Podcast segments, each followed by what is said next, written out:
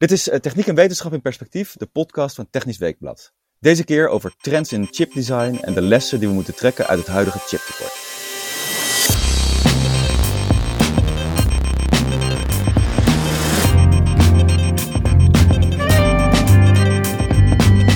Mijn naam is Gerald Schut. Ik spreek vandaag met Bram Nauta, universiteitshoogleraar Integrated Circuit Design aan de Universiteit Twente. In 2014 won hij de Simon Stevin-prijs als beste technisch onderrichter van Nederland en heeft talrijke componenten van smartphones uitgevonden, zoals de Nauta-schakeling. We spreken over chiptekort en de vraag waarom microelektronica niet op de lijst van sleuteltechnologieën van de Rijksoverheid staat. Maar eerst trends in chipdesign. Bram, je vertelde dat de iPhone 5 als we die met uh, de transistoren uit de jaren 70 zouden maken, dat die zo groot als een Eiffeltoren zou zijn en aangedreven zou moeten worden door een kerncentrale. Uh, hoe zijn we zover gekomen? Ja, dat is op zich interessant. De, de transistor is in 1947 al uitgevonden. En ja, tot en met de jaren 60 waren het echt uh, ja, losse onderdeeltjes die dan op een printplaatje kon solderen. Dus als je zo'n oude televisie of een radio open kon maken, dan zag je daar van die onderdeeltjes met allemaal kleurtjes.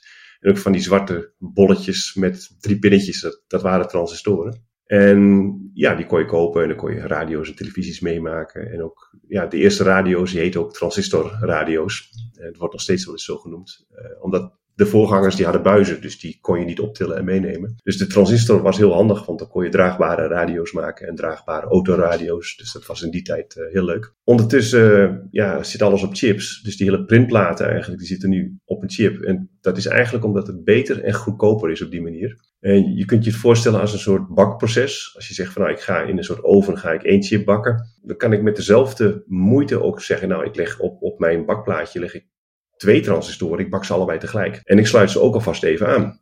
En dan heb je voor de prijs van, van één transistor, maak je er eigenlijk twee. En dat, dat kun je eigenlijk blijven herhalen. Je kunt ook zeggen, ik neem, ik neem er tien. En ik sluit ze alvast even aan. Ik maak een complete radio alvast op, op, op, op één schijfje in de oven. Maar als ik er dan bijvoorbeeld 100 onderdelen op zou zetten, 100 transistoren, dan is er een kans dat één van die 100 onderdelen het toch niet doet, omdat er een stofje op ligt. En dan moet ik die hele chip weggooien met 100 onderdelen. Dus het aantal transistoren op een chip was in het begin heel laag. En doordat die machines steeds beter werden, dus die bedrijven gingen chips verkopen, mensen wilden dat graag hebben, dus daar werd geld mee verdiend. En van die winst konden ze weer betere machines kopen of laten maken. En op die manier konden er steeds meer transistoren op een chip. En dat, omdat die machines eigenlijk steeds beter worden. En dat is nu al 50 jaar aan de gang. En elke twee jaar verdubbelt het aantal. Dus je krijgt nog steeds voor hetzelfde geld waar je vroeger zeg maar een paar transistoren verkocht, koop je er nu gewoon een paar miljard voor hetzelfde geld.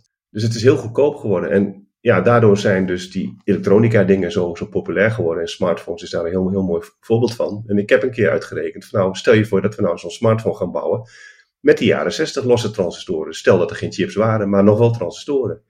En als je het dan helemaal vol propt met transistoren, dus, dus geen ruimte voor de batterij en geen ruimte voor het beeldscherm, alleen maar transistoren dan werd die iPhone 5, dat is al een heel oud ding, die werd al groter dan de Eiffeltoren. En één zo'n transistor had ongeveer 1 milliampère aan stroom nodig. Dat is een klein beetje stroom, maar keer een paar miljard is dat toch ook heel veel.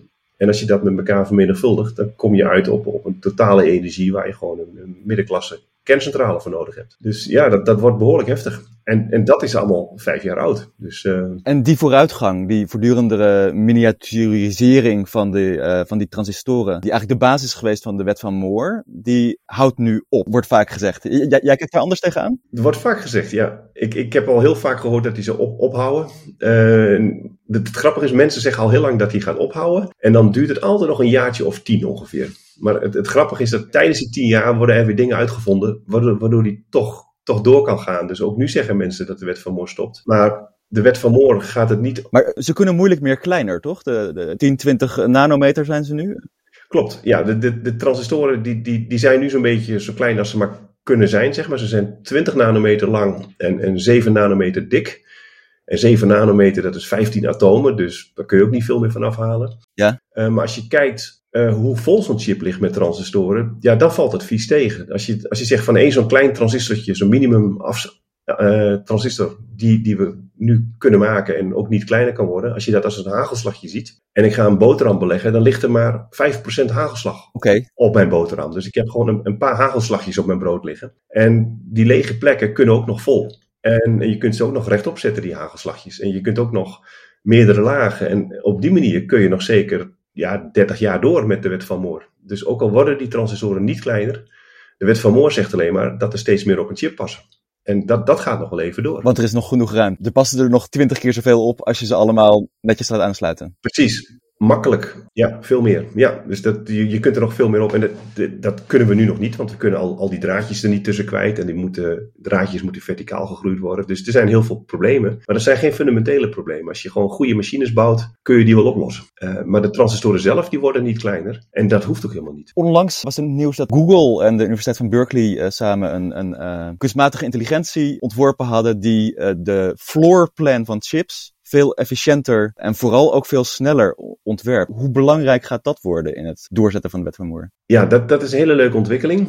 Het gaat vooral om digitale schakelingen. De meeste schakelingen zijn ook digitaal. Het rekenhart van de computer, zeg maar. En die werden al behoorlijk automatisch ontworpen. Dus als je de specificaties weet, dan kon je al hele stukken zelf, die werden automatisch door een computer neergelegd eigenlijk. Een soort, zeg maar, digitale tegelzetter die dat allemaal voor je doet. Um, maar het, het hoogniveau, zeg maar het wijkniveau of het stadsniveau of zelfs het landniveau, als je naar in kaarten denkt, dat werd toch ja, door mensen gedaan. Dat was een heel gepuzzel. Van zet ik een woonwijk daar en waar doe ik de windmolens? Dus heel, heel gepuzzel met wegen en zo hoe het allemaal moet.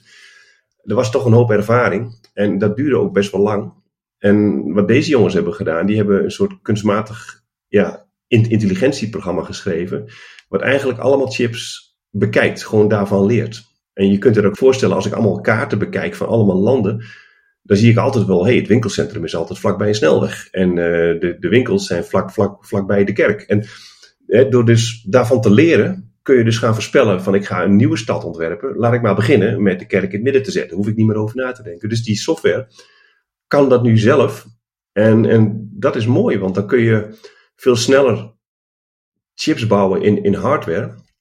En nu is het vooral de complexiteit zit heel vaak in software. Dus je hebt een soort ja, een soort basischip die van alles kan en de software bepaalt wat hij doet. Maar als je iets door software laat doen, dan is het heel erg inefficiënt. Dan moet je heel veel informatie van links naar rechts sleuren. Het kost een hoop stroom. En als je dat in hardware rechtstreeks zou bouwen, ben je duizend keer zuiniger in stroom. En dan moet je je voorstellen dat je telefoon niet één dag gaat mee, meegaat op zijn batterijen, maar, maar duizend dagen. Dus dat hakt erin. Oké, wauw. Ja. En alleen zo'n hele chip speciaal maken voor een toepassing, dat was altijd heel duur en heel veel werk. Maar als het nou automatisch kan, ja, dan wordt het interessant. Dus dan kun je voor bepaalde toepassingen superzuinige chips maken ineens. Die, ja, die economisch nu gewoon wel te verantwoorden zijn. Terwijl vroeger was het te duur om dat allemaal te gaan ontwerpen. Dus het is een grote verandering. Ja, want dat was, als ik het goed begreep, ook een van de dingen waar de onderzoekers zelf heel uh, verbaasd over waren. Dat het gelukt was om een programma te schrijven dat voor allerlei verschillende types chips uh, goed functioneerde. Dat het niet alleen één, specifiek, één specifieke chip toepassing was. Ja, ja, dat is toch, toch bijzonder. Blijkbaar zit er toch iets, iets van iets, iets, een soort basis al, al ja, basis uh, know-how in die toch past op, op een hoop toepassingen. Ja, ik wist het ook niet, maar uh, dat is wel leuk dat dat eruit komt. Dat hele floorplannen is ook vooral heel arbeidsintensief. En ja, ik, het is een beetje alsof ik een route moet, moet, moet plannen vanaf hier naar Monaco, weet je wel. Dat, dat kun je wel doen met de hand, maar het is gewoon saai. En als het automatisch kan, is het veel handiger. Dus ja, als je dat kunt automatiseren, moet je dat zeker doen. En ook minder kans op fouten. Dus dat is een grote sprong vooruit. Ja, jouw voorstel om naar analogie van de NAND, non-not-end flash geheugens, eh, de hoogte in te gaan. Ja. Wat zijn de belangrijkste moeilijkheden daarvan? Ja, bij de geheugens zitten we al, uh, al een hele tijd op, op de minimumafstanden. Of de minimumcomponent grootte, omdat dat allemaal heel regelmatig is. En daar kun je ze dus wel makkelijk uh, ja, de hagelslagjes tegen elkaar aanleggen, zeg maar. Ah, oké. Ja, ja, ja. Omdat elk, elk, elk hagelslagje ziet toch precies dezelfde buurman. En dat is gewoon copy-paste en dan ligt het vol. Uh, dus daar liepen ze al eerder tegenaan. En die zijn dus de hoogte ingegaan. En het grappige is dat een aantal fabrikanten hebben aangekondigd van nou, wij, wij willen wel, wel doorgaan en we gaan de hoogte in. En iedereen dacht van nou, die, die gaan waarschijnlijk vier, vier lagen doen. Um, maar elke fabrikant dacht, ja, hey, straks heeft onze concurrent heeft vijf lagen. Uh, weet je wat, uh, laten we maar even 16 doen. Dan zitten we zeker goed. En op ja. één keer kwamen ook al die bedrijven in één keer tegelijk met 16 lagen. En we zitten nu op 170. En dit jaar komen er nog 200. Dus 200 etages. Wow. Uh, op een geheugen. Dus echt letterlijk 200 verdiepingen. Dus dan zeg maar het is niet, niet, niet een woonwijk met huizen, maar een woonwijk met wolkenkrabbers. Allemaal tegen elkaar gebouwd. 200 etages hoog. En dan in elke etage worden er nog meerdere bits verstopt. Dat is een, een, een, een, een bit is normaal een, een 0 of een 1, maar je kunt er meer in stoppen, bijvoorbeeld een 0, een kwart, een half, drie kwart, 1. Dan kun je er nog, nog wat meer informatie in stoppen. Dat is een soort ladekast. Dat doen ze ook nog. Dus op die manier kun je dus de geheugens uh, ja, gigantisch groot maken voor nog steeds heel weinig geld. En als je kijkt wat, wat een geheugenkaartje tegenwoordig kost, het is bijna gratis. En, en als je kijkt in de jaren 70 kocht, kost 1 megabyte geheugen was net zo duur als een huis, zeg maar eh, een paar honderdduizend euro. Dat was echt de prijs. En nu is het uh, de prijs van een, van een druppel water uit de kraan. Het is, het is gratis, een, uh, een megabyte. Ja, maar die geheugens, uh, de, de hoogte in, in bouwen is eigenlijk makkelijker omdat die geheugens logistiek simpeler in elkaar zaten. Ja, die, ja, die zijn heel erg regelmatig. Die zijn heel, heel erg, ja, het is een soort patroontje wat, wat zich steeds maar herhaalt. Uh, en dat, dat, dat is makkelijker produceren. Terwijl digitale logica normaal is toch een beetje steeds anders. Dus dat is uh, moeilijker om dat compact te krijgen. Ja, en is er dan reden om, om te denken dat het uh, met, met, met andere chiptypes moeilijker gaat zijn dus? Nou, ik denk dat dat wel meevalt. Want we hebben nu dus vooral processoren die, die data, die een programma uit de geheugen halen. En dan een, een, een, daar een soort operatie op doen en de resultaten terugschrijven in de, in de, in de geheugen. Dat is wat we nu doen. maar er is een hele ontwikkeling richting kunstmatige intelligentie, waarbij de schakeling eigenlijk continu aan het leren is. Dus net als dat softwarepakket wat chips kan ontwerpen, kan de schakeling ook continu naar zijn eigen signalen kijken en, en zich, zich daar een beetje op, op aanpassen, zodat hij doet wat hij moet doen, zonder steeds naar zo'n geheugen toe te gaan. Dus dan ga je een soort neuron, ja, met transistoren ga je dan een soort neuronenstructuur maken. Uh, en die is ook weer heel regelmatig. Je kunt ook zeggen van nou, ik ga niet een soort rekenmachine bouwen met een geheugen. Maar ik ga een soort ja, weefsel maken met iets heel regelmatigs, een soort stofje of, of katoen of zo. Iets, iets, iets wat je weeft met, met een streepjespatroon of een blokjespatroon, wat zich gewoon blijft herhalen. En dat wordt dan zelflerend. Dus als je daar allemaal plaatjes in stopt van katten en je zegt dit is een kat, dit is een kat, dit is een kat, dan kan hij na verloop van tijd zeggen, oh, dit is een kat en geen hond. Um, en dat heeft die schakeling geleerd. Er zitten allemaal spannetjes zitten daarin, ook weer in een geheugen, die, die die, die waardes van een kat alle, allemaal opslaan. En zo kunnen chips ook, ook dingen herkennen. Zo werkt ook de uh, gezichtsherkenning in jouw telefoon. Als je een Apple-telefoon hebt, je houdt je hoofd ervoor, dan heeft hij jouw hoofd herkend.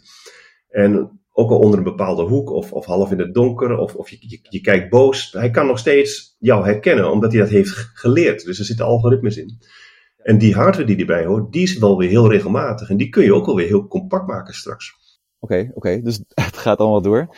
Ik las nog een andere uh, onderzoek van vorig jaar, waarin onderzoekers van MIT zeiden, we kunnen ook nog doorgaan met het verbeteren van de efficiëntie van de software die die chips aanstuurt. Want dat is eigenlijk altijd, die verbetering van die rekenkracht, dat was een gegeven. Dus er was nooit druk om het nou heel efficiënt te schrijven, die software, maar vooral heel snel. Uh, en als we dat nou nog eens uh, gaan verbeteren, dan valt daar ook nog hoe, hoe verhoudt zich dat tot wat we tot nu toe bespreken hebben? Ja, dat, dat, dat kan behoorlijk. Dus wat ik net al zei, dat software duizend keer meer stroom kost dan hardware. Je kunt een deel van die factor duizend keer wel terugwinnen door, door betere software te schrijven. Ja. En, en nu is software vooral zo gemaakt dat het makkelijk te schrijven is. Er zit een, een hele soort omgeving in waar je zegt als een soort spelletje, je klikt dingetjes aan en dan komt zo'n programma er gewoon eigenlijk uit, uitrollen. Heel gebruikersvriendelijk. Mm maar wat eruit komt is, is niet zo erg efficiënt, omdat die, die software software, zeg maar, dus je maakt software met software, die ja. weet niet hoe de hardware werkt. En als je wel weet hoe de hardware werkt, ja. dan, dan weet je van nou, als, dus als, als ik een soort digitaal cijfertje met 2 wil vermenigvuldigen, dan kun je dat echt gaan berekenen. Maar je kan ook alle bitjes één plekje opschuiven. Dan komt er ook toevallig 2 uit. Uh, dat is misschien een beetje, beetje technisch, maar je kunt met wat slimme trucjes kun je ook Oké, ja, ja, ja. Het, is decimaal. Als ik iets met, met, met 10 ga vermenigvuldigen, moet ik gewoon de komma in, in plaats opschuiven, bijvoorbeeld. dat is een hele simpele operatie, maar echt met 10 vermenigvuldigen is, is toch wel een gedoe. Dus door die software wat strakker te vertellen, wat, eh, wat, wat die, ja, als die software wat, wat beter snapt hoe de hardware werkt, kun je hem ook de software zo, zo maken dat die hardware uiteindelijk efficiënter werkt. Alleen het schrijven van software wordt dan wel weer moeilijker. Uh, maar ik kan me ook voorstellen dat er nieuwe software komt om software te schrijven, die dat weer efficiënter kan. Ja, ja, ja. ja, ja. Dus ja, computers helpen computers op deze manier. Ja, uh, en, en nog eentje. Ik las over RISC-V, uh, aansturingsarchitectuur ook, waar, waar uh, tegenwoordig Intel maakt zeg maar alle computerchips, ARM uit Japan maakt alles voor smartphones, allemaal gebaseerd op hun input-protocol. Ja. En RISC-V is een soort open source alternatief, waardoor alles ook veel sneller zou kunnen gaan worden. Oké. Zeg ik dat goed? Nee? Ja, ik, ik, ik ben niet zo op de hoogte van uh, RISC-V. Trouwens, ARM is een Engels ah, ja? Bedrijf, is niet, niet, niet, niet Japans. Okay. En, en die hebben een, uh, een soort, dat, een RISC-computer is een re Reduced Instruction Set computers. Dus die heeft een hele ja, beperkte taal eigenlijk. Je kunt, bij een Intel-processor kun je heel veel commando's geven, uh, maar die moeten dus ook heel veel kunnen. En zo'n RISC-processor is een soort simpel dingetje wat je dan wat, met, met wat meer woorden moet zeggen wat, wat hij gaat doen. Dus je, je moet hem met, met meer commando's geven, maar daardoor is hij wel heel erg klein. En je ziet nu dus dat in al die smartphones en tablets hebben die RISC-computers, dus die ARM-processoren, die hebben het eigenlijk helemaal overgenomen van, van de Intels, omdat ze gewoon toch uiteindelijk goedkoper en, en zuiniger zijn. En die Intel-processoren zijn wel sneller, maar ja, die ARM zijn toch al snel genoeg. Dus uh, het, het, gaat prima zo. Maar wat die RISC-V nou is, dat, ja, dat zou een open source zijn. Want ARM die verdient geld met, met, met hun architecturen. Dus als jij als stel voor Samsung wil een ARM-core gebruiken, moet Samsung royalties betalen aan, aan ARM. Ik kan me voorstellen dat een paar mensen zeggen van ja, dat kunnen wij ook wel. We gaan het gewoon open source maken, zodat uh, ja, de wereld beter wordt en dat er niet aan wordt verdiend. Ja. Uh, dit, dit lijkt een beetje op uh, Linux als op ja, precies. operating system. Hè? Dat, dat kan, kan prima, ja. Ja, en, en, je bent geen tijd kwijt aan, uh, aan onderhandelingen over royalties. Uh, gewoon, uh, dat was ook een argument wat ik erbij las. Ja, en je kunt ook alles weer hergebruiken van anderen. Dus je kunt een, een klein bedrijfje opkopen. Bedoel, stel je voor, ik ben een klein bedrijfje en ik wil een ARM-core hebben. Dan moet ik zoveel geld aan ARM betalen Mhm. dat ik letterlijk arm word, zeg maar. Ja, ja. Uh, maar als het open source was, kan ik het gewoon wel doen. En dan kan ik mijn bedrijfje ook nog wel verkopen aan een ander bedrijf. En die kan er ook, ook mee verder. Dus het, het, het, het geeft wel veel meer vrijheden, zo'n open source platform. En ja, allemaal mensen kunnen eraan mee ontwikkelen. En waardoor het toch ook beter wordt. En ja, Linux is daar een heel, heel, heel mooi voorbeeld van. Dat het toch, ja, toch ook goed, goed kan functioneren. Tegelijkertijd, Linux uh, wordt niet zo heel veel gebruikt, in ieder geval op consumenten-PC's. Klopt. Hoe, hoe, hoe, komt dat? ja, het, het, is wat gebruikersonvriendelijk, maar ik denk dat de gemiddelde, de gemiddelde cons consument gaat toch ook geen ARM-processor um, pro programmeren. Nee, nee, oké. Okay. dat is gelijk. Ja. Dus ik denk dat het uiteindelijk in, in een app, app, apparaat komt, ontworpen is door, door, door een techneut en ja, ja, die komt er wel uit. Dus, dus de, de Linux-machines worden al, ja, vooral door, door technische mensen gebruikt. Ja, die kunnen daar prima mee om. Maar voor gewone mensen die niet zo technisch onderlegd zijn, is Linux uh, geen aanrader. Hey, um, jij hebt allerlei hele slimme, uh, spannende dingen ontworpen en uitgevonden voor in uh, elektronica. Heb je een grove schatting van hoe rijk jij geweest zou zijn als je die gepatenteerd had? Oeh, dat is heel moeilijk te zeggen.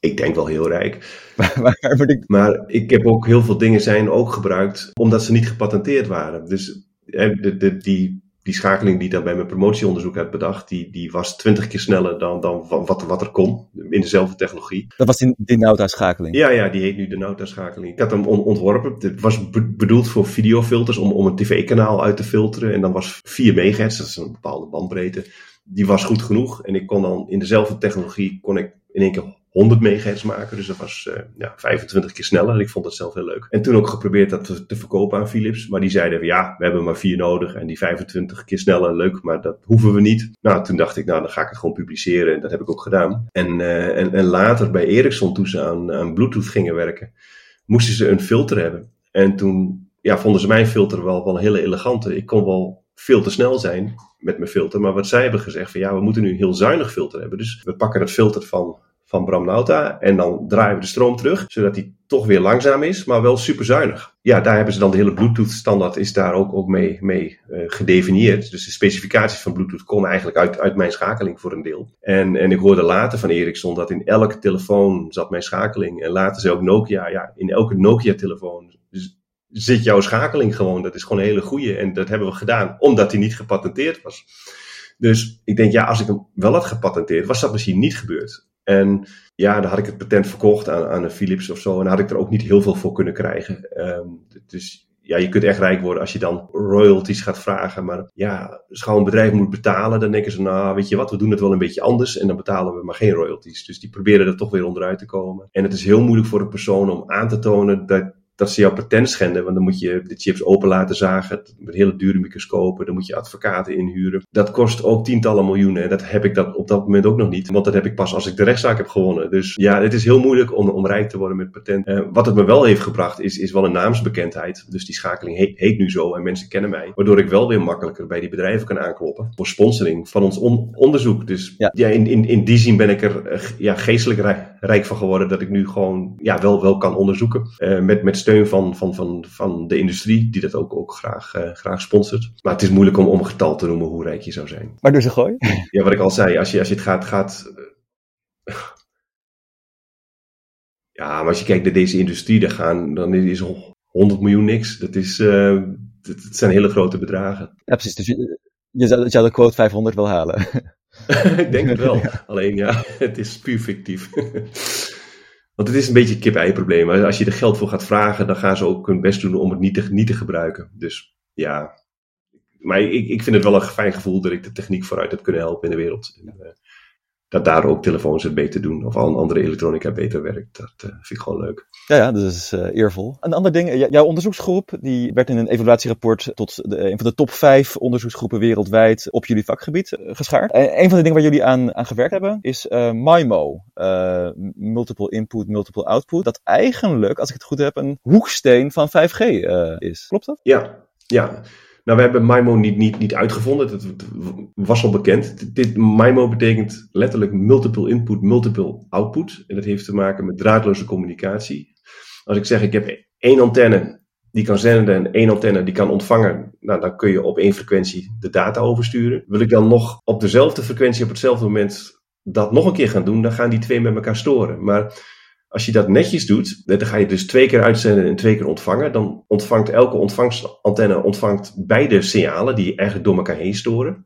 Maar dan is het net als met wiskunde. Als je zegt ik heb twee vergelijkingen met twee onbekenden. Of drie vergelijkingen met drie onbekenden. Kan ik weer uitrekenen wat dan die onbekenden waren. Dus dan kun je bijvoorbeeld met tien antennes zenden en tien antennes ontvangen. Kun je tien keer zo snel data doen op dezelfde frequentie. En dat is MIMO. Alleen dan heb je dus ook tien keer de ontvanger nodig. Dus tien keer zo dure hardware. Dus je hebt dan wel tien keer de snelheid, maar je betaalt ook tien keer zoveel euro's. Dus dan is de kosten per bit nog steeds even duur. Dus wij hebben schakelingen bedacht die heel compact zijn en, en dan toch die MIMO kunnen ontvangen zonder duurder te worden. Dus uh, dan zitten ze gewoon vier ontvangers ja, door elkaar heen gevlochten eigenlijk. Uh, die, die het dan voor weinig geld toch nog goed kunnen ontvangen. Want zonder MIMO zou die lage latency van 5G waar we allemaal op rekenen in de toekomst nooit lukken, toch? Klopt, ja. Maar ook, ook, ook wifi, als je nu al, uh, of wifi moet ik zeggen, uh, wifi 5 hebben we nu, dat, dat is ook allemaal MIMO. En wifi 6 komt, wordt nu gelanceerd, is ook allemaal MIMO. Dan praat je, ik geloof, over 6, 16 kanalen tegelijk. Uh, dus dat is echt, echt een on, onmisbare technologie. Zeker voor frequenties waar, waar gewoon de, de, ja, het verkeer vol zit. Dus vooral in, in de lagere gigahertzen, daar, daar is, is het helemaal volgepropt. Kan niks meer bij. En ja, dan kun je met MIMO nogal meer data uit, uit. Dus uh, ja, dat is wel een belangrijke techniek. Je vergeleek jullie onderzoeksgroep met een beetje de modeontwerpers uit Parijs en Milaan, die hele rare dingen bedenken waarvan iets soms één keer in de vijf jaar werkt. Uh, en dat het dan nog heel veel impact heeft. Wat, wat, voor andere dingen ben je trots op? Ja, nou, je, je hebt je wel goed, goed, goed ingelezen, moet ik zeggen. Hoor. Want dit was vrij, vrij hardcore uh, recent, netjes. ja, want dit, mensen denken vaak van ja, jullie ontwerpen chips en dat wij dingen ontwerpen die dan in telefoons terechtkomen. Maar wij zijn meer mensen die ontwerpen voor ontwerpers. Dus, dus de, de, de, de chipbedrijven die ontwerpen chips, en, maar dat doen wij niet. Maar wij zijn op zoek naar nieuwe, nieuwe aanpakken daarvan. En ik heb, ik heb ooit een keer gezegd, als voorbeeld kun je zien van nou, we zijn een soort modeontwerpers, maar dan niet, niet voor de HEMA of voor de zeeman, wat, wat dan de, de massa ja, consumptie is. Uh, maar we zijn dan die, die, die hele artistieke Parijzenaars met, met excentrieke brillen en hoge hakken. Allemaal, maar gewoon die, die gaan dus uh, ja, ja. vierkante broeken ontwerpen of, of, of dingen. Of rappers die met hun broeken op, op, op hun knieën lopen en dan onderbroek die daar weer bovenuit steekt. Het, heeft iemand dat ooit bedacht als zijnde iets unieks, iets artistieks. En, en uiteindelijk neemt, neemt de gewone mode dat ook over. Dus je, je ziet dat dan een paar jaar later terugcijpelen, inderdaad, bij de HEMA en ja, bij de Zeeman. Dus wij, ja, wij zijn dan in, in de chipwereld meer, meer de, de mensen die gekke dingen proberen. En ja, als je gekke dingen probeert, lukt het niet altijd. Uh, maar ik vind het leuk om dingen uit te vinden en om te kijken of het werkt. En uh, ja, het werkt niet altijd. Dus dan, dan mislukt het. Maar elke zoveel jaar vinden we toch wat uit wat dan ook wel massaal wordt toegepast. En uh, ja, we hebben bijvoorbeeld een ruisuitdoofschakeling bedacht. Dat is, is al twintig jaar geleden, maar dat zit ook in allerlei telefoons. Um, een gegeven moment zelfs in, in bijna allemaal, geloof ik. Um, als je zegt, ik heb een heel zwak antennesignaaltje, dat wil ik versterken. Dan doe je dat met, met zo'n transistor, van die transistorradio. Die zit dan op een chip. Maar die transistor, die heeft last van ruis. Die, die heeft gewoon zijn eigen temperatuur. En die elektronen, die gaan een beetje bibberen. Die, die, als je de, misschien kun je het voorstellen, als, als, ik, als, als je een, een, een versterker keihard zet, maar je sluit geen muziek aan, hoor je ook een beetje ruis uit, uit, de, uit de versterker komen. Dat is de ruis van de transistoren. En normaal gaat je de muziek gewoon dik overheen, kun je dat niet horen. Maar bij hele zwakke radiosignaaltjes gaat die ruis de boel overheersen. Dus als je heel, heel slecht bereik hebt, dan gaat jouw eigen ruis sterker worden dan het te ontvangen signaal. Want kun je, kun je dus niks meer ontvangen. Dan heb je slechte ontvangst. En dat werd altijd opgelost met moeilijke dure schakelingen die heel groot zijn en ook duur zijn. En wij hebben dus bedacht dat die, die eerste transistor die het moet versterken, die ruis kunnen we op, op, op, op twee punten meten. En hebben we op één punt hebben we het signaal plus de ruis van die transistor. En ergens anders hebben we een ander signaal minder ruis van die transistor. En als je dat dan weer het verschil van neemt, dan kun je de ruis uitdoven eigenlijk. En ja, men dacht altijd dat dat onmogelijk was, want ruis is, is iets puur willekeurigs, dus dat is niet, niet te voorspellen. Maar we hebben ontdekt dat dus in de schakeling op, op, twee knooppuntjes eigenlijk die ruis in, in tegenfase. Dus als de, ruis omhoog ging, op de ene punt ging die op de andere omlaag. En als je dat dan goed, uh, goed weegt met, met ja, uh, wiskundige uh, gewichten, kun je dat dan, die ruis uitdoven. En toch je signaal overhouden. Want normaal als je ruis uitdooft, doof je ook, ook het signaal uit. Daar heb je ook niks aan. Dus we konden die ruis uitdoven. En dat kost dan wel wat stroom, maar de ruis is toch wel weg. Dus dan kon je eigenlijk heel goedkoop ontvangertjes bouwen. En, en dat, dat is op een gegeven moment in, in de helft van de smartphone, zeker in de wereld, heeft het erin gezeten. Ik weet niet hoe dat nu zit.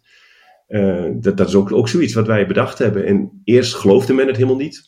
En toen zijn allemaal mensen dat, dat gaan nabouwen, varianten ervan doen. Er waren hele sessies op conferenties met ruisuitdoofschakelingen. Maar, maar ja, wij hebben dat nooit mhm. bedacht. En, en die mensen die toen ook onderzoek deden, die zijn nu allemaal gaan werken bij, bij Samsung en Apple en, en, allemaal fabrikanten. En dat wordt nog steeds toegepast. Dus het, het is leuk om te kijken of je een probleem kunt oplossen op een hele andere manier dan men dat tot nu toe deed. Is, is dat iets wat je dan van tevoren zo helemaal bedacht hebt? Of ontdek je dat per toeval? Nee, dat, die ruis is eigenlijk met toeval ontdekt. Uh, ik heb een collega, Erik Klumperink, die had voor zijn promotieonderzoek had hij gekeken van hoeveel theoretische schakelingen kan ik maken met, met twee transistoren. Dus zo'n transistor heeft, drie pinnetjes en, en die, hoeveel combinaties kan ik maken die dan toch verschillend zijn? En nou, die kwam uit op 150. Hè? Dus twee onderdeeltjes kun je op 150 manieren aan elkaar knopen. En toen hebben we aan, aan een van, van, de, van de onderzoekers gevraagd: van nou, kijk daar eens naar, naar een hele database van schakelingen. Maar we hadden geen idee wat die schakelingen deden. Toen zeiden we: nou, ga eens op zoek naar, naar versterkers. Die we als antenneversterker kunnen gebruiken. En toen had hij er vier gevonden. Uh, twee kenden we al, die waren al bekend, maar twee waren nieuw. En toen hebben we gevraagd: van nou, ga maar eens kijken wat dan de eigenschappen zijn van, van, van die versterkers. En toen ging hij ook de ruis uitrekenen. Er kwam een grote formule uit met, met, met ruis. En er stond een minteken in. En toen zei ik van, hé, hey, kan niet. Een, een minteken in de ruisformule, want er komt alleen maar ruis bij. Je hebt, je een transistor maakt ruis, er is nog eentje die maakt ook ruis. En dat is samen alleen maar meer ruis. Ze hebben niks met elkaar van doen. Hij zei, nee, nee, nee, dus er moet echt een minteken staan. En kijk maar, hij was heel eigenwijs. Dus we hebben het in de computer gestopt, gesimuleerd. En hij bleek gelijk te hebben. En toen zagen we hoe, hoe, dat, hoe dat mechanisme werkte. En toen konden we vrij makkelijk een schakeling bedenken die het dan helemaal uitdoofde. Maar we hadden werkelijk geen idee dat het mogelijk was.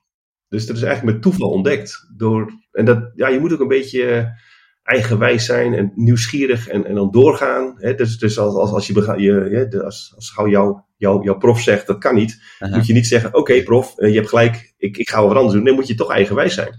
Want je kunt echt iets uitvinden op die manier. Want ja, ik zeg dat het niet kan, ja, gebaseerd op de kennis die ik op dat moment had. Uh, maar die is natuurlijk niet compleet. Dus zo kun je toch nieuwe dingen leren. En later hebben we ook andere dingen uitgevonden. Dat je de, de, de tijdnauwkeurigheid, als je iets, iets heel precies in, in, in tijd wil maken, een hele precieze ja, als je een soort foto van een signaal wil maken op, op, op, op de picofemtoseconde nauwkeurig, dan is het ook altijd net iets te vroeg, net iets te laat. En die ruis kunnen we ook uitdoven nu. dus die, die, die tijdprecisie kunnen we ook vergroten met een soortgelijke truc. En dat hebben we bedacht omdat we wisten, hey, bij antennes kan het. Uh, misschien kan het ook wel met, met, met timing uh, signalen. En ja, dat bleek dus te kunnen. Dus heel grappig. Ja. En, uh, en eigenwijze mensen hebben we de vooruitgang te denken. Ja, zeker. ja.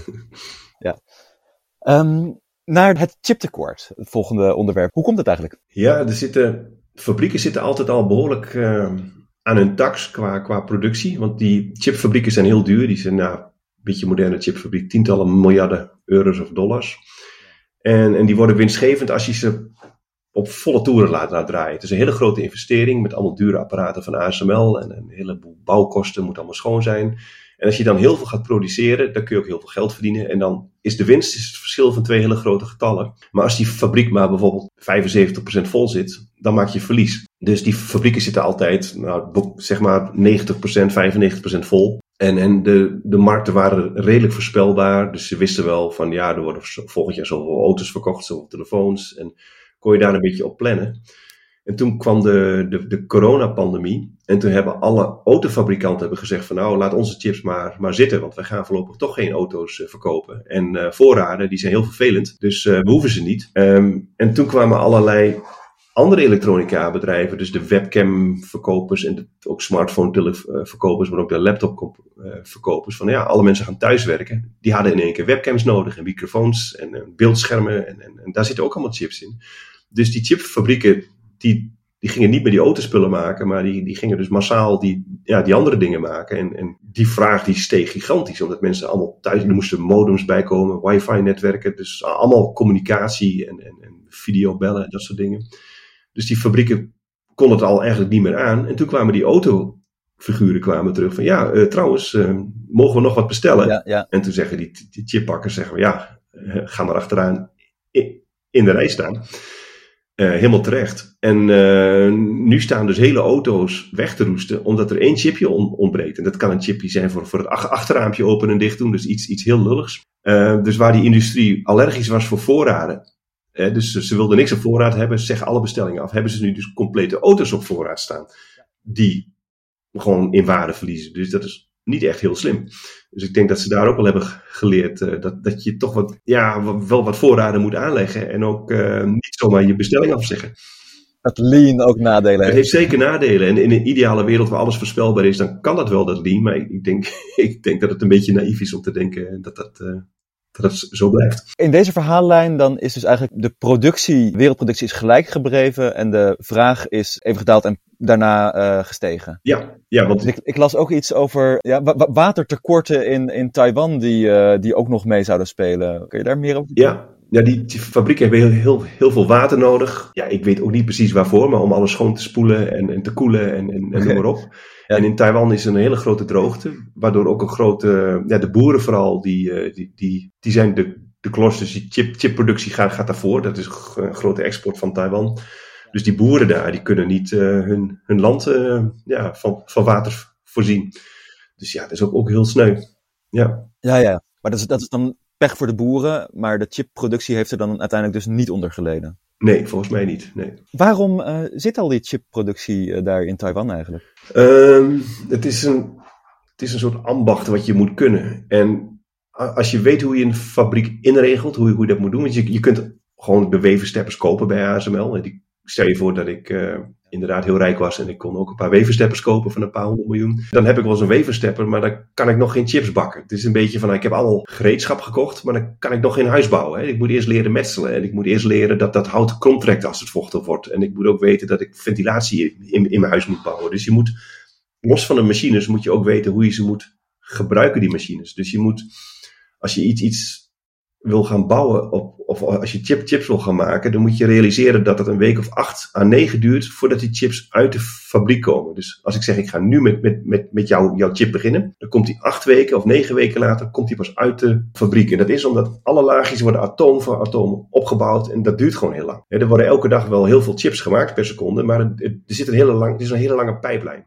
nou, als je dat dan voor de eerste keer gaat proberen, en in het begin staat de oven op 300 graden, maar daar had 298 moeten zijn. Kom ik na negen weken erachter dat die oven fout stond. En kan ik weer opnieuw beginnen. Dus ja, dat is een heel lang leerproces en ook heel duur, want ondertussen moet ik wel mijn ASML-machine afschrijven. En ik, ik kan niks verkopen. Dus wat heel erg helpt, is als ik dat al een keer heb gedaan, dat kunstje. Dus als ik weet hoe ik die ovens allemaal moet, moet, moet instellen. En ik wil een tweede fabriek bouwen, dan, dan maak ik gewoon een kopie van die oude fabriek. Met alle ovens koop ik gewoon dezelfde ovens en dezelfde instellingen. Dan heb ik een soort werkende kopie. En dan kan ik een iets betere weversteppen erin zetten voor iets kleinere structuren. Dan kan ik een iets schonere oven erin zetten. Dan kan ik dat een beetje rustig opbouwen, omdat ik weet wat er misgaat en, en, en waar in de keten de boel fout gaat. Maar als je dat vanaf nul zou willen beginnen, dan lukt het niet om, om dat aan de gang te krijgen. Dus op een gegeven moment werden die fabrieken die werden steeds duurder. En die konden ook steeds meer produceren. En op een gegeven moment waren er dus gewoon steeds minder fabrieken in de wereld die die massaproductie doen. Je kunt het een beetje vergelijken met de vliegtuigindustrie. We hadden vroeger allemaal vliegtuigmakers, Fokker en, en Douglas en, en, eh, weet ik wat allemaal. Maar nu heb je gewoon Boeing en Airbus. En dat zijn twee machtsblokken. En die, die kunnen alles wel aan. En zo zie je dat in de chipfabrieken ook. Je hebt nu TSMC in Taiwan, Samsung in, in Zuid-Korea en Intel in Amerika. Die hebben gewoon de, de kennis van het inregelen van zo'n fabriek en vooral de, de meest geavanceerde. Er zijn net iets minder geavanceerde fabrieken. Er zijn heel veel andere spelers nog, nog bezig. Global Foundries, NXP, um, uh, Texas Instruments, uh, ST, heel, heel veel. Maar voor die allergeavanceerde chips, ja, dat, die kennis zit nou eenmaal ja, in Azië. Die is er terechtgekomen omdat ze heel efficiënt dat konden doen. En, en dan, dan is het heel moeilijk dat daar weer weg te krijgen. Hebben ze zo'n voorsprong die haast niet in te lopen is. Ja, want even, uh, Philips heeft in de jaren 80 TSMC mee op, mede opgericht, of niet? Ja, ja, ja dat is, Philips was, uh, is een heel, heel grappig bedrijf. Die hebben heel, heel veel goede dingen voortgebracht. En, en toen het verkocht werd, is het zeg maar ontploft. Zo, zo groot geworden. En ASML was ook van Philips. Uh, maar ook TSMC, dat was samen met, met de Taiwanse overheid volgens mij. En Philips. Want Taiwan vond het wel een goed idee om, om, om, om chips te gaan produceren. Vonden ze gewoon uh, ja, economisch slim. En het, achteraf was een briljante zet.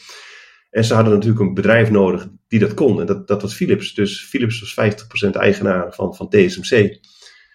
En ik weet nog wel, toen werkte ik zelf bij Philips, dat Philips het verkocht had van, nou, weg met die zooi, we gaan, uh, we gaan core business doen. We gaan, uh, wat was het toen? Toen zouden ze media, ja, ja. dus was Jan Timmer was er geloof ik, die moesten ze, Philips ging speelfilms maken op, uh, op, op, op, op CDI. Dat, dat was dan de, de, de, de, de hippe tijd. Dus toen geloofde Philips in dat, dat ze een soort ja, mediabedrijf zouden willen worden. Nou, daar zijn ze ook al lang weer van teruggekomen. Maar toen zijn heel veel dingen gewoon verkocht. Nu, nu wil Philips medisch zijn, nou, dat doen ze best aardig. Maar al die andere bedrijven, zoals van ASML, maar ook TSMC, zijn, zijn losgekomen van Philips. En eigenlijk was het een zegen, want daardoor konden ze veel harder groeien. Als Philips eigenaar was geweest, hadden ze heel moeilijk geld kunnen lospeuteren bij Philips Centraal om, om weer een dure machine te kopen. Nou, had, had Jan Timmer gezegd van ja, poeh. Ja, ja, ja. Uh, dat is duur. Maar nu ze andere aandeelhouders hebben, kan dat gewoon. Dus uh, ja, het is ook wel goed om dan een klein bedrijf te zijn, gefocust op één ding. Dan kun je daar ook gewoon geld voor vrijmaken. En uh, ja, ze zijn daar waanzinnig gegroeid. En ze zijn echt ontzettend knap bezig daar. Dat is echt diep, ja, heel veel respect. Hey, hoe groot is de bedreiging voor de wereldvrede? Het gegeven dat 90% van die uh, geavanceerde chips daar uit Taiwan komt, daar vlak voor de kust van China, dat net uh, een importverbod. Uh... Op dit moment gaat het goed, maar het is wel een, een gigantisch risico. er is nu een soort machtsevenwicht in de wereld, waarbij Europa de, de machines kan maken als enige, waarbij Azië, dus Taiwan en ook Korea, het vooral kunnen goed produceren. Ja, als ik even Intel vergeet. En dan de ontwerpbedrijven, dus die chips ontwerpen die daar in Taiwan worden gemaakt, die zitten in Amerika. Dus die drie continenten hebben elkaar, ik zeg al eens gewoon bij de ballen vast. En als, als je gaat, gaat knijpen, dan knijp, knijpen an, anderen terug. Dus dan, dan laat je dat wel. Dus dan heb je gewoon een soort, ja, soort balans. China wil nu graag ook geavanceerde chips gaan bouwen. En die hebben dan de weversteppers van ASML nodig. En daar hebben de Amerikanen gezegd van dat mag niet. Dus je kunt wel raden wat de Chinezen nu gaan doen. Die gaan ook proberen zelf zo'n weverstepper te bouwen. En dat is heel moeilijk. Die moet je, ja, of ze moeten spioneren, of ze moeten zelf heel hard nadenken. Dus dat zal wel een jaar of vijf à tien duren. Maar, maar dan kunnen ze het zelf. En, en ja, dan is het machtsevenwicht uh, verstoord. Dan kan China, die kunnen al ontwerpen. Uh, die kunnen dan ook chips bakken. En die kunnen dan ook de weversteppers maken. En, en dan hebben zij gewoon, zeg maar, alles in huis. En ja, zeker over een jaar of tien zijn heel veel beslissingen worden automatisch gemaakt. Dus we hangen de hele wereld vol met sensoren en camera's en, en, en, alles. En het hele verkeer, auto's gaan auto, automatisch rijden, allerlei beslissingen worden automatisch gemaakt. Dus, dus of, of je auto moet, moet stoppen of remmen op de snelweg, dat wordt allemaal door elektronica bepaald straks. En ja, als dat allemaal uit China komt en die Chinezen kunnen dat herprogrammeren of, of, of uitzetten.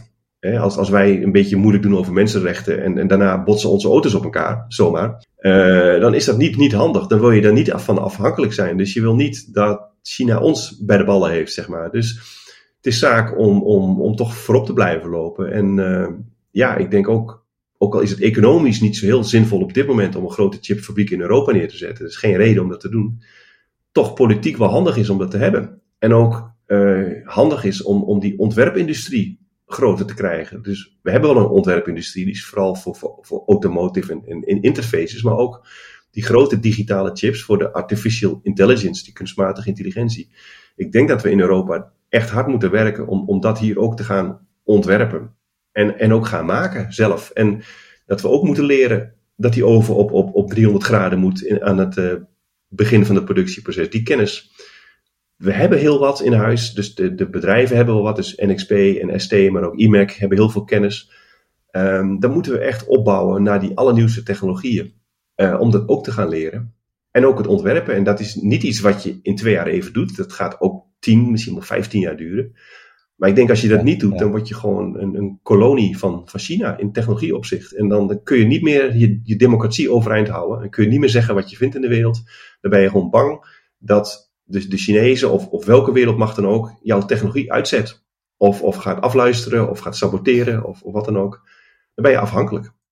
Dat moet je niet willen. Maar dat betekent dat we daar nu tientallen, zo niet meer miljarden in moeten gaan stoppen in, uh, in de ja. in, zelfs een fabriek bouwen en een paar jaar eh, hebben staan zonder dat die nou echt uh, goed functioneert. Uh. Ja, ik, ik, ik denk dat het toch goed is om. En ondertussen moet je wel leren van die mensen. Dus je kunt ze uitnodigen om een joint venture te doen. En dat doen de Chinezen ook. En je mag best een fa fabriek neerzetten in China, maar dan moet het samen met een Chinese partner. Dus we kunnen best, best wat onderhandelen. We zeggen tegen TSMC van nou kun je hier ook eentje neerzetten. En dan moet je ze geld, geld goed geven natuurlijk.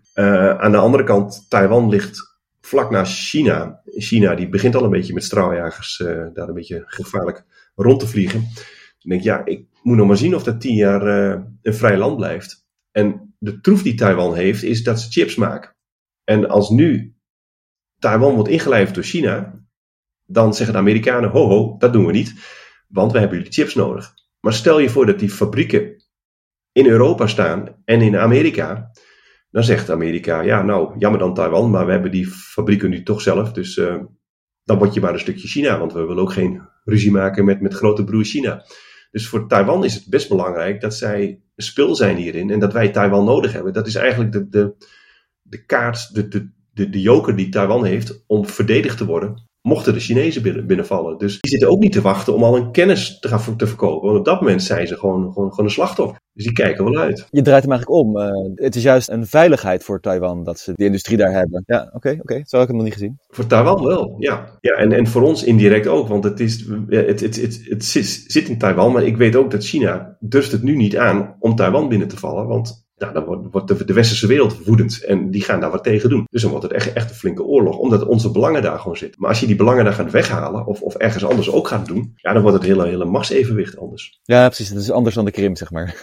Nee, dat is ietsje groter dit, ja. De 50 miljard uh, dollar die Biden in de uh, halfgeleiderindustrie steekt, is dat dan genoeg?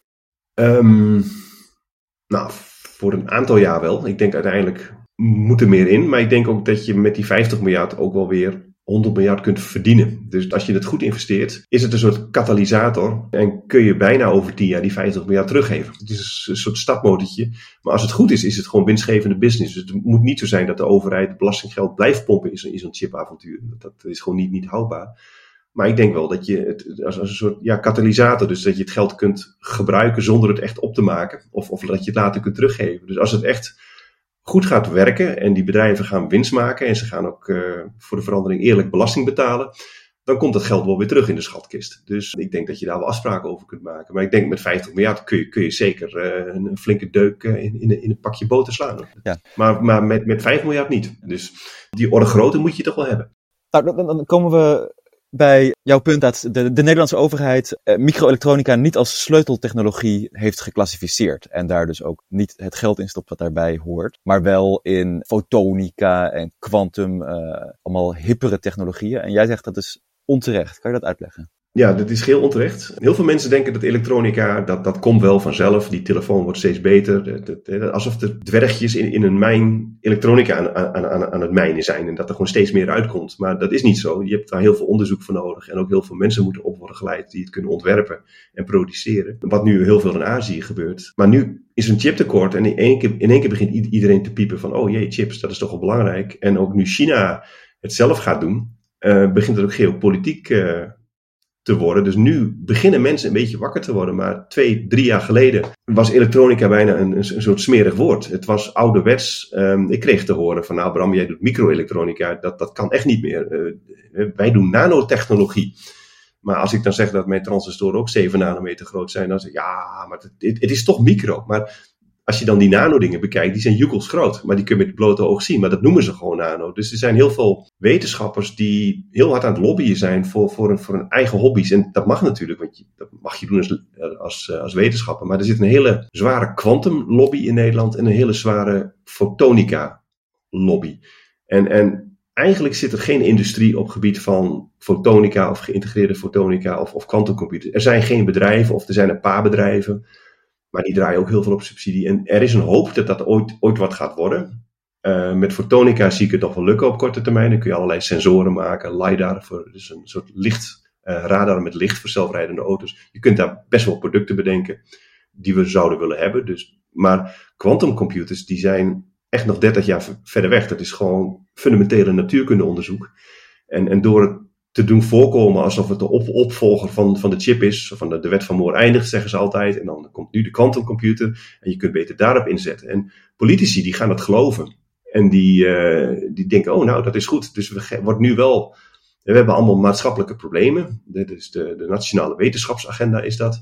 Met allemaal problemen. Dus uh, taalachterstand in, in, in achterstandswijken. Of, of uh, overgewicht bij kinderen. En dat gaan we oplossen met, met de quantumcomputer of met geïntegreerde fotonica. dus dat is wat de politiek graag wil. Dus echt relevante maatschappelijke problemen oplossen met, met een hele hippe technologie.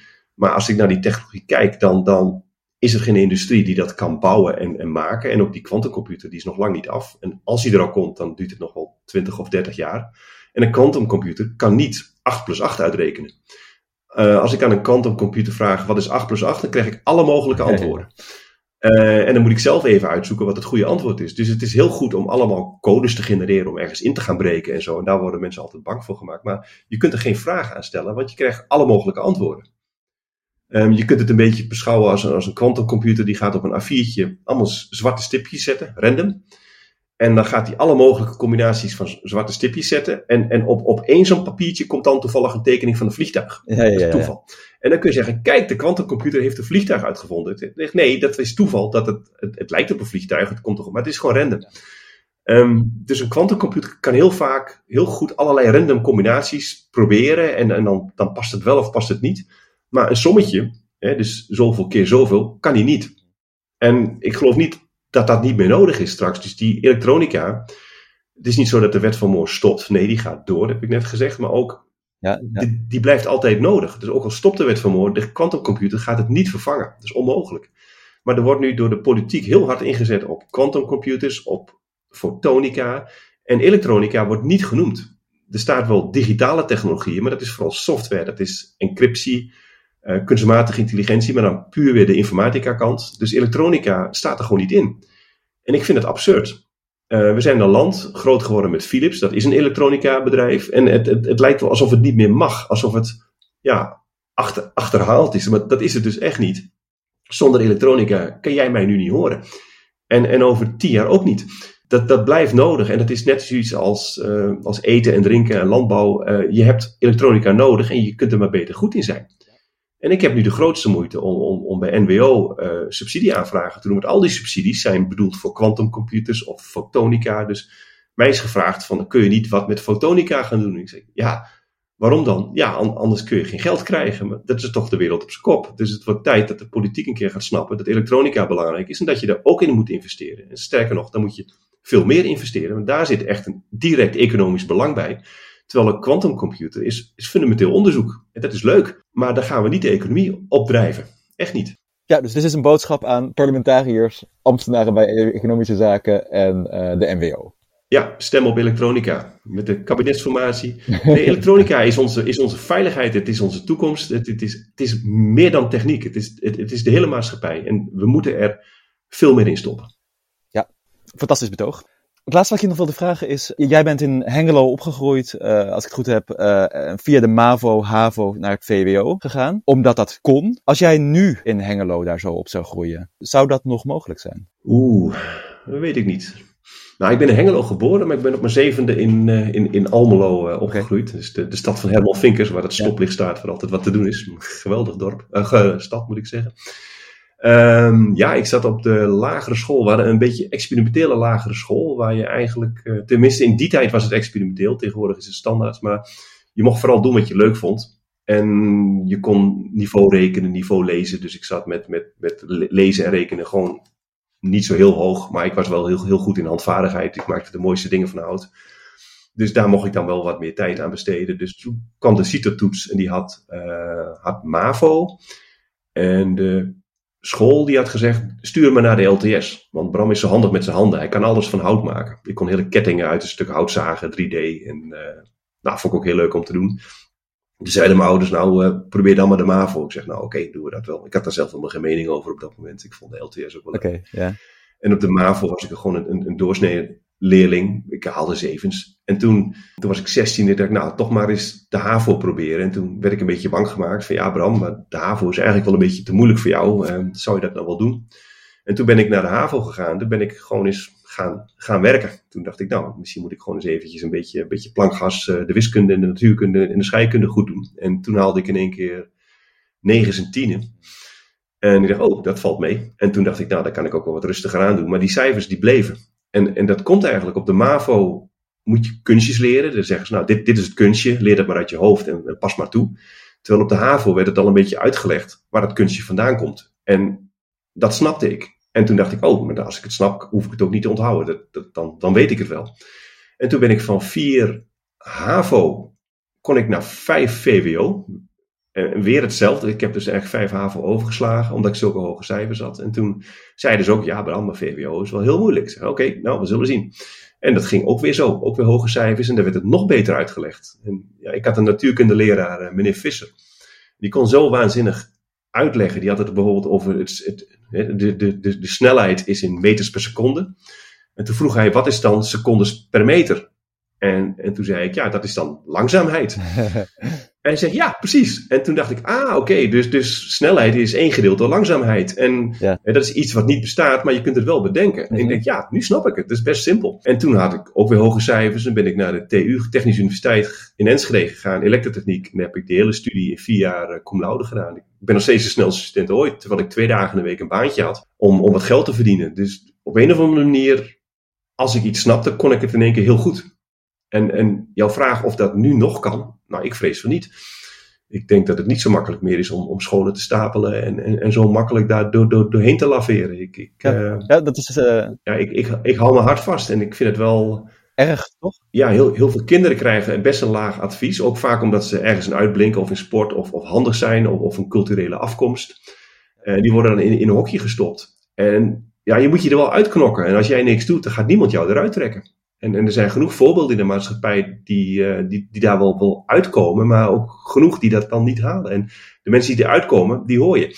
Maar de mensen die er vastzitten, ongelukkig zijn, uh, niet. En ik, ik zeg niet dat het leuker is als je hoogopgeleid bent, maar ja, ik vind wel dat ik leuker werk heb. Hoewel ik met mijn handen bezig zijn ook heel leuk vind. En als ik vrij heb, dan pak ik de gereedschapkist en dan ga ik, ga ik, ga ik er ook, ook dingen bouwen omdat ik het leuk vind. Maar ik ben wel, wel blij dat ik de, ja, de keuze heb. Ja. Ja, en anders hadden we minder goede mobiele telefoons gehad. Uh, dus dat zou ook jammer zijn. Zeker. hey, uh, Bram, bedankt voor het verhaal. Ik vond het uh, echt verschrikkelijk interessant. ik hoop de luisteraars ook. als jullie er iets van vinden, dan horen we het graag via redactie.tv of via Twitter, TV Digitaal. Bedankt voor dit gesprek, Bram. Graag gedaan.